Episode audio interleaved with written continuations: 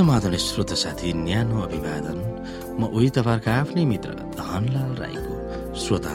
आज म तपाईँको बीचमा बाइबल सन्देश लिएर आएको छु। आजको बाइबल सन्देशको शीर्षक रहेको छ परमेश्वरको यसु केन्द्रित महान योजना भन्ने बाइबल सन्देशको उपसंहार।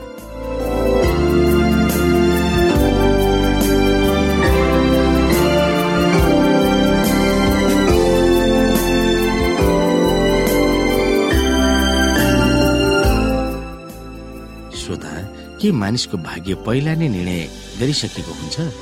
कसैले अनन्त जीवन पाउँछ र कसैले अनन्त मृत्यु पाउँछ भनेर पूर्वमा लेखेको हुन्छ भनेर एफिसी एक अध्यायको तिनदेखि चौधले सिकाउँछ। यो के हो भनेर? दुर्भाग्यवश धेरै इसाईहरूले यो विश्वास गर्छन् तर हामी बाइबलका केही पदहरूमा ध्यान दिएर हेर्न सक्छौँ। त्यस अंशमा यसुको भूमिका निर्णायक देखाइएको छ। परमेश्वरले हामीलाई उहाँको सन्तान बनाउने निर्णय यसुद्वारा एफिसी एकको पाँच वा यसुमा एफिसी एक अध्यायको चार र एघारमा गर्नुहुन्छ। त्यसको अर्थ यसुलाई रोजेर विश्वास गर्ने सबैजनालाई परमेश्वरले चुन्नुहुन्छ र तिनीहरूको मुक्ति पाउँछ भन्ने निर्णय मानिसहरू जन्मनुभन्दा अघि नै अनुमोदन गरिसकेको थियो तर कसले मुक्ति पाउँछ वा कसले पाउँदैन भन्ने निर्णय परमेश्वरले गर्ने होइन तर जन्मिने मानिसले गर्ने हो परमेश्वरले पहिला नै निर्णय गरिसक्नु भएको छ कि जसले विश्वासद्वारा यसोलाई ग्रहण गर्छ जो उहाँको निष्ठामा रहेर उहाँले चाहेको अनुसार जीवन बिताउँछ उहाँले मुक्ति दिनुहुनेछ। एफिसी एक अध्यायको तीनदेखि चौधमा लेखिएको लेखनीय भाषामा मुक्तिको निम्ति परमेश्वरले गर्नुभएको कामको सम्बन्धको बारेमा बताउँदछ। परमेश्वरले गर्नुभएको कामको सम्बन्धको बारेमा बताउँछ परमेश्वर पिता हुनुहुन्छ र हामीहरू उहाँका धर्म सन्तानहरू हौ। हामी उहाँको भएपछि हामीले प्रचुर मात्रामा उहाँका आशिषहरू पाउँछौ। परमेश्वरको निर्णयको बारेमा लेखिएको भाषा हामी बुझ्नै पर्छ। यहाँ लेखिएको शैलीले कस्तो खालको मानिसले मुक्ति पाउँछ भनेर एफिसी एकको आठमा हामी हेर्छौँ। परमेश्वरले निर्णय भइसकेको देखाउँछ।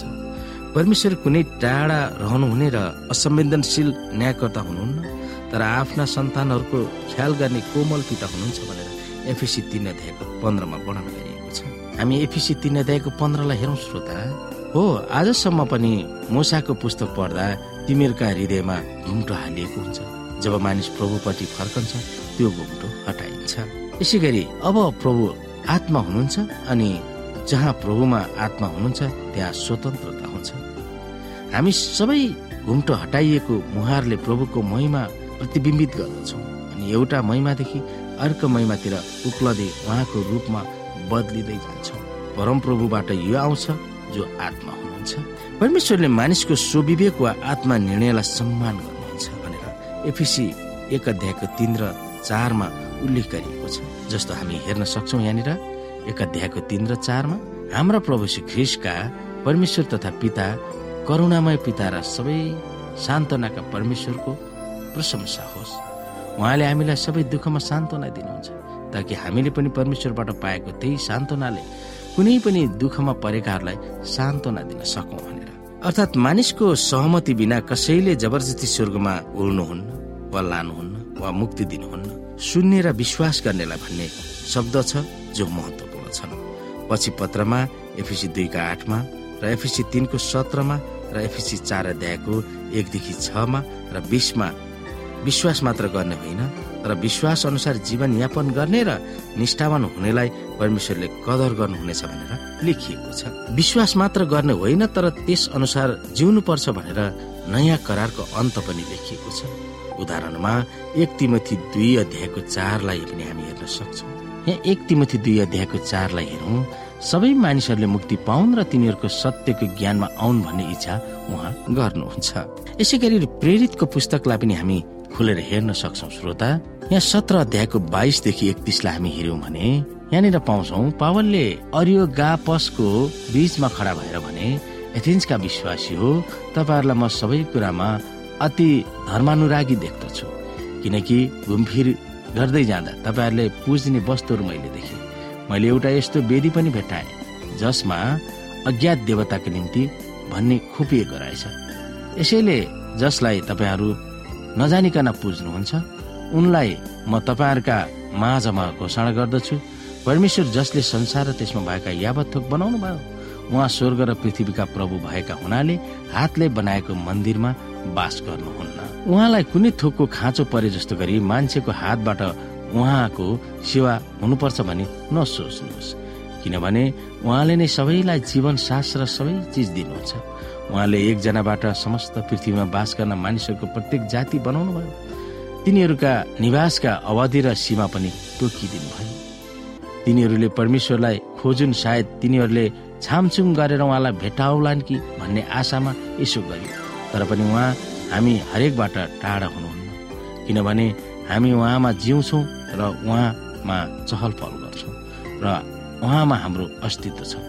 तपाईँहरूका आफ्नै कविहरूले पनि भनेका छन् हामी निश्चय उहाँकै सन्तान हौ।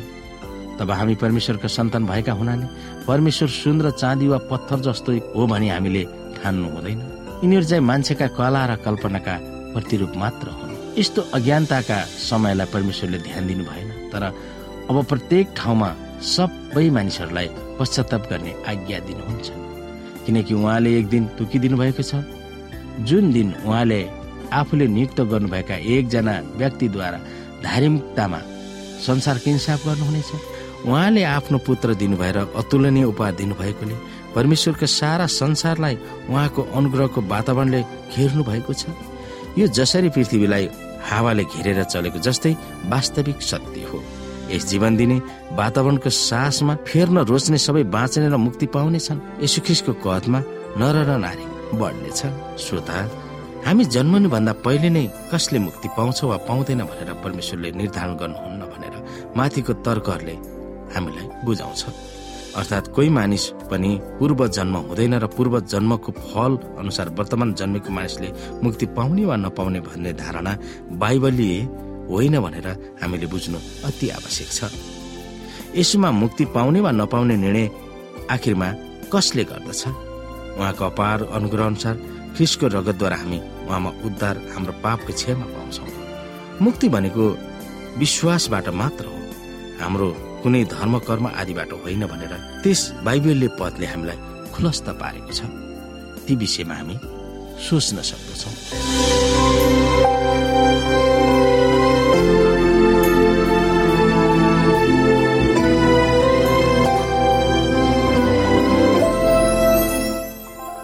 श्रोता साथी आजको लागि बाइबल सन्देश यति नै। हस्त नमस्ते जय मसिंह।